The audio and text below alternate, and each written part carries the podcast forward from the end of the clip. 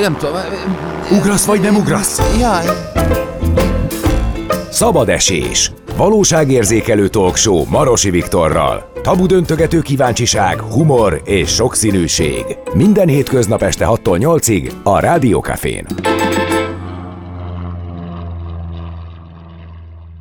Még vasárnapig tart az Erszínház Fesztivál, és a mai adásban két rendezőt is megszólaltatok. Harangi Máriát, az Emberszag rendezőjét először. Ez a darab a Madács Színház filmszínjátéka. Erről is beszélgettünk, meg egy csomó technikai kérdésem lesz Harangi Máriához, akit ezúton üdvözlök itt a vonalban. Halló! Szép jó napot kívánok! Köszönjük, hogy rendelkezésre áll. Ez az előadás Szép Ernő utolsó éveiben, illetve utolsó időszakában játszódik, 1944 őszén, őt 60 éves korában behívták munkaszolgálatra a zsidó származása miatt. Ez egy monodráma, és a monodrámáról egyébként pont az Eszínház Fesztivál kapcsán Csonka Szilviával beszélgettem legutóbb.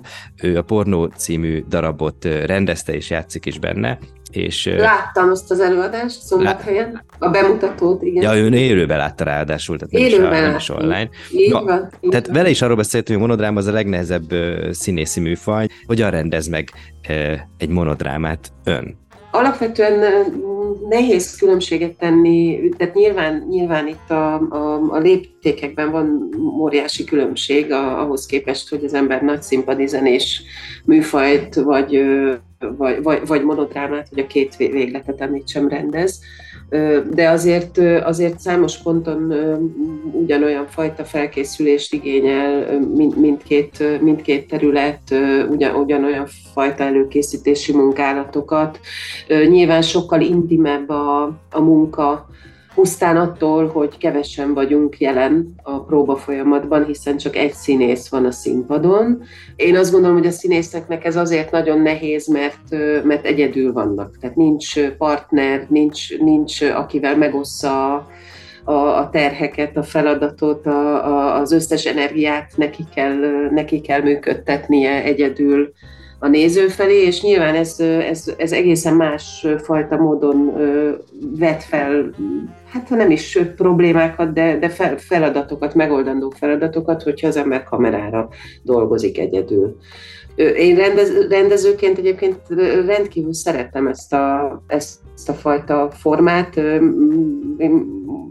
Gyabronka József előtt volt szerencsém már monodrámát rendezni Cifra Krisztinának, Derzsi Györgynek, és én nagyon szeretem, tényleg, tényleg az intimitása miatt a, a monodráma műfajt, meg, meg, meg amit még nagyon szeretek benne, az a, az a az a kihívás, hogy hogyan tudom elfogadtatni a nézővel azt a tényt, hogy valaki egy helyen egyedül van, és mégis fennhangon beszél.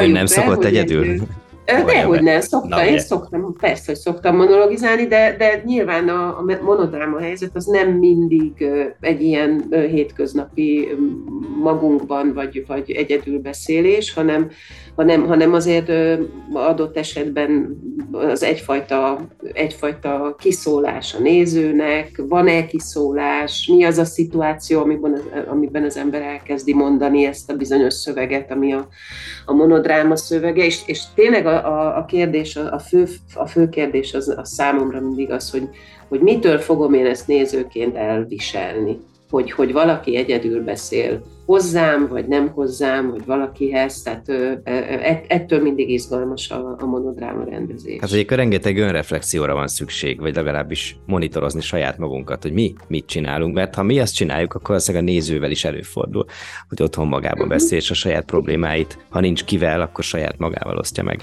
Ugyanide, ugye itt lehet, hogy sokaknak föltűnt a legelején, ez egy film színjáték. Ez a, ez a műfai megjelölés, ezt egyébként a Covid adta nekünk, és nagyon érdekes, hogy pont tegnap beszélgettem Szajanoéval, ugyanebben a műsorban, aki a Twitch-en ad koncerteket, és ez szintén egy viszonylagosan új műfaj, amit neki még a Covid előtt kezdődött, viszont a Covid az biztos, hogy, hogy az erre való igényt felerősítette. Hogyha nincsen Covid, akkor ugye ez az előadás sem így készül el feltehetőleg, és ugye ön alapvetően színházi rendező, de gyakorlatilag most filmet rendezett, szóval ez egy egészen más uh-huh. Közeg, egészen más platform, és talán a színésszel is másképp kell kommunikálni. Mi volt önnek a legnagyobb kihívás ebben a, ebben a feladatban? Megpróbálok, nagyon összetett a kérdés, és akkor én összetettem válaszolok, meg messzire vezet, mert tényleg a Covid adta ezt a, ezt a helyzetet nekünk, és ezt már más fórumon is elmondtam, hogy, hogy amikor a, a, az első karantén időszak kitört, akkor azt hiszem, hogy Szirtes Tamás volt az első olyan színházigazgató, aki aki kreatív módon kezdte el keresni a lehetőségét annak, hogy, hogy valamilyen módon kapcsolatba lépjen a, léphessen a színháza a közönséggel a továbbiakban is, a lezárások idején is, és ezt nem, nem úgy tette, hogy a felvett színházi előadásokat elkezdte sugározni online csatornán, hanem, hanem kitalált egy olyan formát, hogy, és ezzel engem is megkeresett, rendkívül boldog voltam tőle. Az volt a felkérés lényege, hogy rendezzek meg a saját otthonomból képernyő előtt ülve egy színdarabot, egy megírt kétszereplős színdarabot egy olyan színész házaspárnak, akik a saját otthonukban, a saját kamerájuk előtt ülnek, és kvázi a hálószobájukban játszódjon a történet. Ez, ez a Szemenyei János Kovács Lotti házaspár volt, a darab pedig a Jövőre vered ugyanitt nagyon jól ismert, egyébként filmen is létező ö, ö, amerikai darab, nagy örömmel elfogadtam a fel, felkérést, és hát tobzódtunk a, a, a szemenyei házaspárral abban a helyzetben, hogy ülünk a Covid lezárások idején a képernyő előtt, ők fogják a saját telefonjukat a kezükben, mert ugye az volt a felkérés másik technikai része, hogy egy kamerás legyen a, a, a dolognak a technikai igénye, tehát ne, hasz, ne akarjunk ennél többet, egy kamerát használjunk, és majd, amikor élőben bemutatjuk a, az előadást, akkor talán egy operatőrt beengedünk a hálószobába, de nem biztos. És akkor mi egyszer csak eljutottunk oda, hogy nem kértük az operatőrt, mert, mert csak egy kamerát kértünk, telefonnal próbáltunk, és gyakorlatilag a házaspár a saját kezével, a saját hálószobájában saját magát körbe játszva a kamerával játszotta végig a tíz jelenetes darabot. Ez volt az első ilyen játék, és ez tényleg egy ilyen nagyon izgalmas egyszerre színház és egyszerre, egyszerre filmes játék volt, úgy, hogy én továbbra is színházrendező vagyok, tehát nem, nem nincs filmes múltam, legalábbis olyan fajta filmes múltam, hogy nem, nem tanultam a szakmát. Nagyon szeretem a filmeket, nagyon szeretem a mozit, és azt gondolom, hogy nagyon komoly filmeket láttam így egész fiatal koromtól kezdve ahhoz, hogy legyen egyfajta vizuális elképzelésem dolgokról. Ez nyilván egyébként a színházban is jót tesz, itt most nagyon sokat segített. És, és akkor a következő lépése volt Szirtes tanár úrnak a, itt a, az online előadások sikere után, ő, ő is rendezett egyet egyébként a Rudolf házastárs, házaspárral, Rudolf Péterrel és Nagykározi Eszterrel. Az volt az ötlet, hogy indít egy irodalmi sorozatot, filmszínjáték lesz a műfaj, ezek általában monodrámák lesznek, vagy egy-két szereplős, tehát ilyen kis tábot, kis színészgárdát megmozgató történetek, mindegyiket valaki megírja, tehát ezek frissen készülő kortárs művek lesznek, és mindig egy, egy magyar irodalmi alkotóról fognak szólni. Így született meg egy Adi film, így született meg egy Karinti film, ezek általában magánéleti, tehát az írók, töltők szerelmi életét taglaló, vagy, vagy, vagy, vagy arról, arról szóló kis filmek lettek, színjátékok lettek, nehéz minek nevezni. Aztán egy Móric is elkészült, és akkor az enyém volt a Kakuk tojás, a Szépernő Emberszak című munkaszolgálatos naplója alapján készülő film. A, itt Ferenc Győző volt a, az, aki a szövegeket válogatta a munkaszolgálatos naplóból, és így, ilyen módon ez nem egy szerelmi témát feldolgozó, hanem egy ilyen hát kegyetlen történelmi témával foglalkozó film lett. És mind a, mind a négy az irodalmi sorozatban elkészült filmnek sajátja, hogy nem csak, nem csak dialóg, illetve monodráma helyzet kerül a szövegbe, hanem versek is, tehát az adott szerzőknek versei is szerepelnek így nálunk Gyabronka Józsefhez, aki a monodrámának a főszereplője, maga szép Ernő, csatlakozott hét kiváló színész, akik az adott pillanatokban szép Ernő verseit megszólaltatják egy általunk elképzelt helyzetben. Na és akkor ugye jött a felkérés, hogy, hogy ezt meg kéne rendezni.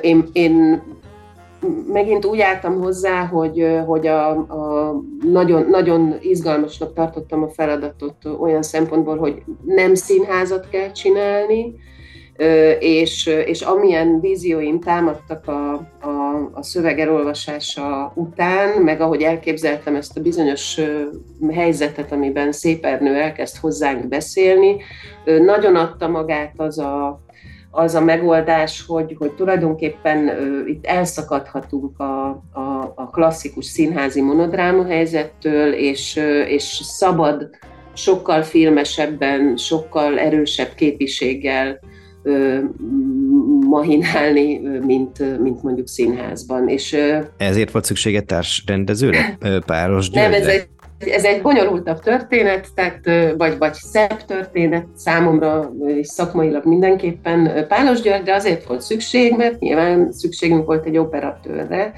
Ö, ö, dolgozott már Gyabronka Józseffel, tehát a Gyabinak a, az ajánlata volt, hogy hívjuk a Gyurit munkatársnak, és ő lett a vezető operatőre ennek a produkciónak. Viszont tehát egyrészt olyan, olyan mérték mértékű tudással és szakmaisággal érkezett bele ebbe a projektbe, maximális alázattal, tehát ami, amit én szerettem volna eredetileg, azt bár megpróbálta, megpróbált, megpróbált eltéríteni az eredeti terveimtől, abszolút filmes fejjel gondolkozva próbált rábeszélni, talán, talán nem tudom, olyan, olyan, olyan, utak, olyan utakra menni együtt, ami, ami, ami talán egyszerűbb lett volna, de aztán egyszer csak beadta a derekát, és azt mondta, hogy jó, csináljuk azt, amit én szeretnék. Nyilvánvalóan minden azért működik nagyon jól, mert van mellettem egy szakember, aki, aki pontosan meg tudja csinálni mindazt, amit én szeretnék, és ami ez, esetleg nekem eszközeim nincsenek, csak tényleg vízióim meg elképzeléseim. És akkor el, elkövetkezett egy olyan pont, amikor az is egyértelművé vált, hogy a Gyuri fogja vágni a filmet, tehát nem kérünk meg egy harmadik embert, hogy, hogy kapcsolódjon ehhez a gondolatmenethez, képi gondolatmenethez, amit együtt felépítettünk, és, a, és tudom az utolsó periódusban, a vágás utolsó napjaiban mondtam azt a Gyurinak, hogy én nagyon szeretném, hogyha úgy lenne végül kiírva az ő neve, hogy operatőr és társrendező. Mert azt gondolom, hogy mindaz, amit ő beletett ebbe a, ebbe a folyamatba, az, az, az mindenképpen a mm, rendezői helyen kell, hogy, kell, hogy őt is említsem mellettem. Hmm. Most nagyon sok technikai infót azért megtudtunk, de kicsit szeretnék a történetről is beszélni azt kell mondani, hogy szerencsére a holokausztról nem beszélünk kevesebbet évről évre, hanem egyre többet, és ez azt jelenti, hogy igény van rá, pedig azt is érzékelhetjük, hogy az ember nem tanul a saját hibáiból. Ma hogyan érdemes beszélni egy ekkora média zajban, meg ekkora információs zajban a holokausztról, akár olyanoknak, akiknek már a felmenői között sincsenek olyanok, akiktől esetleg első kézből tudhatnának róla.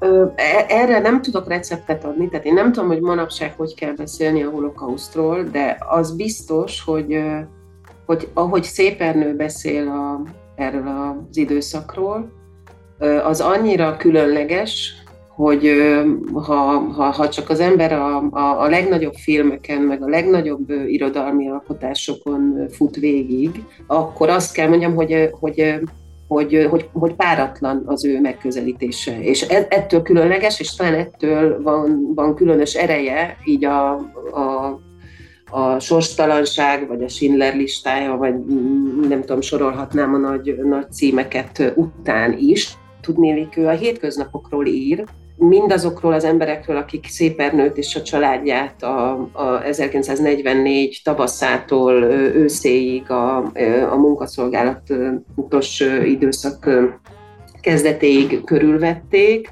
Arról ír, hogy hogyan, hogyan éltek a, a csillagos házban, ahova, ahova bezárták őket, arról ír, hogy, hogy, hogy milyen volt az utcán járni, hogy, hogy amikor, amikor végül hajnalban zörgettek az ablakon, akkor hogy terelték őket össze a, az udvaron, és, és, és hogy viselkedtek az emberek egymás között.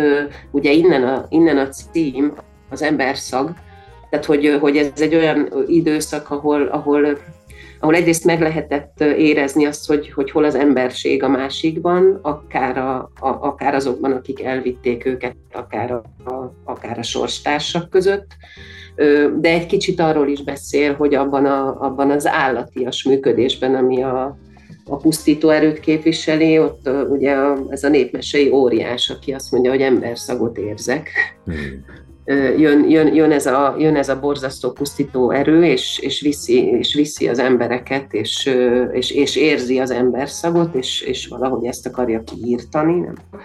Szóval, hogy, hogy valami olyan, olyan közelségbe hozza a hétköznapi ságát ennek a, ennek, az, ennek a borzalomnak, hogy, hogy az ember a saját bőrén érzi meg azt, miközben hallgatja a történetet, hogy, hogy milyen lehetett akkor élni, milyen lehetett akkor zsidónak lenni, milyen lehetett ott állni a, a, a többiek között, akiket összetereltek, milyen lehetett látni, ahogy, ahogy mellettem lepuffantanak egy-egy embert, E, szerintem egészen, egészen egyedi ez a fajta nézőpont, és, és ettől igazán megrázó. És, a, és amit kérdezett, hogy a 21. századi nem tudom, információ folyamban, meg, meg dömpingben, meg, meg nem tudom, villódzásban az ilyenfajta, az ilyenfajta erő talán még, talán még nem tudom, eléri az ember szívét. A nagyon sok információ, amit befogadunk, az hajlamosíthat arra, hogy romant romantizáljunk olyan uh-huh. eseményeket az időtáblata miatt is, amiket viszont nem szabad és nem lehet romanticizálni. Igen. Még beszéljünk egy a visszajelzésekről, mert közben eszembe jutott, hogy beszélgettünk, hogy ez a műfaj végül is új, de a tévéjáték az nagyon hasonló volt ehhez. Tehát ha úgy veszük, akkor ez az új, újkori tévéjáték. Ugye pont uh-huh. a Madács Színház egykori rendező, Lengyel György nagyon sok tévéjátékot rendezett, 90-es évek, meg 80-as években, Igen. és, és ugye ez is, ez is a színház és a film átmenete uh-huh. volt mhm. gyakorlatilag, akkor erre is lehet úgy tekinteni. Milyenek a visszajelzések? Hogyan fogadják ezt, hogyan fogadja ezt a, ezt a mai kor színházi közönsége? Az az, az az igazság, hogy én, én azt látom, hogy jól fogadják, de ezt, de ezt úgy mondom, hogy hogy nagyon különböző fajta dolgok születtek szerintem itt ebben a, ebben a sorozatban, és, és tehát pont, nyilván pont amiatt, mert hogy műfajilag nehéz, nehéz megfogni azt, amit, amit, amit bármelyikünk csinált azok közül, a rendezők közül, aki, aki dolgozott ebben a sorozatban. Én az, a, azt látom, hogy a, hogy a miénk lett a legfilmesebb teljesen szándékosan egyébként, hát nekünk, nekünk ez volt a célunk, hogy, hogy egy valószerű belvárosi, valamikori belvárosi lakásban találkozzunk szépernővel, egy helyszínen, de ez legyen realisztikus, mindazok a képi megoldások, amiket alkalmaztunk, azok a, azok a filmes, filmes megoldások felé mozdították a, a, a munkánkat, és, és hát a két nagyon komoly visszajelzésünk, két egy New York, illetve egy Buenos Aires-i, tehát argentin fesztiválról, ezek filmes fesztiválok voltak, két olyan díj, illetve több díj, ami, ami azt, azt mutatja, hogy, hogy mások is kezelik filmként a mi alkotásunkat. Ugye a, a forgatókönyv, tehát Ferenc Győző munkája kapott elismerést, illetve Gyabronka Józsefet mind a két helyen legjobb színészként díjazták, és a New Yorki ez egy ilyen életrajzi filmfesztivál volt, ott, a, ott maga a rendezés, tehát a, a, a film maga lett első díjas, úgyhogy hát erre rendkívül büszkék vagyunk, mert nyilván túl a témán az, az valami egészen, nem tudom, ilyen hátborzongató gondolat, hogy egy tisztán végigbeszélt egyórás magyar nyelven zajló film, amiben ráadásul öt percenként szépernő versek szólalnak meg szintén magyarul, az angol felirattal ö, mégis olyan, olyan erővel tudhatni vadidegen emberekre, mert semmi közünk ezekhez a fesztiválokhoz, azt hiszem olyan, olyan távolságban vannak tőlünk, hogy, hogy, hogy, hogy értékelték mindazt, amit csináltunk, és hát erre rendkívül, tényleg rendkívül büszkék vagyunk, illetve nagyon örülünk neki, hogy, hogy ilyen módon is megmérettetett a filmünk. És nagyon, nagyon komoly visszajelzéseket kapunk, tényleg így magánemberként, szakmából, ismeret, ismerősöktől, barátoktól, nagyon, nagyon jól fut a film itthon is, aki megnézi, az, nagyon, nagyon örülök neki, hogy, hogy ez az életem része lehetett ez a, ez a film. Az Emberszagot, ami a Madács Színház előadása, az Erszínház Fesztivál keretében egészen vasárnapig, október 1-ig meg tudjátok nézni az erszínház.hu-n, és a rendezővel, Harangi Máriával beszélgettem. Köszönöm szépen, hogy rendelkezésre állt. Én is köszönöm szépen a kérdéseket.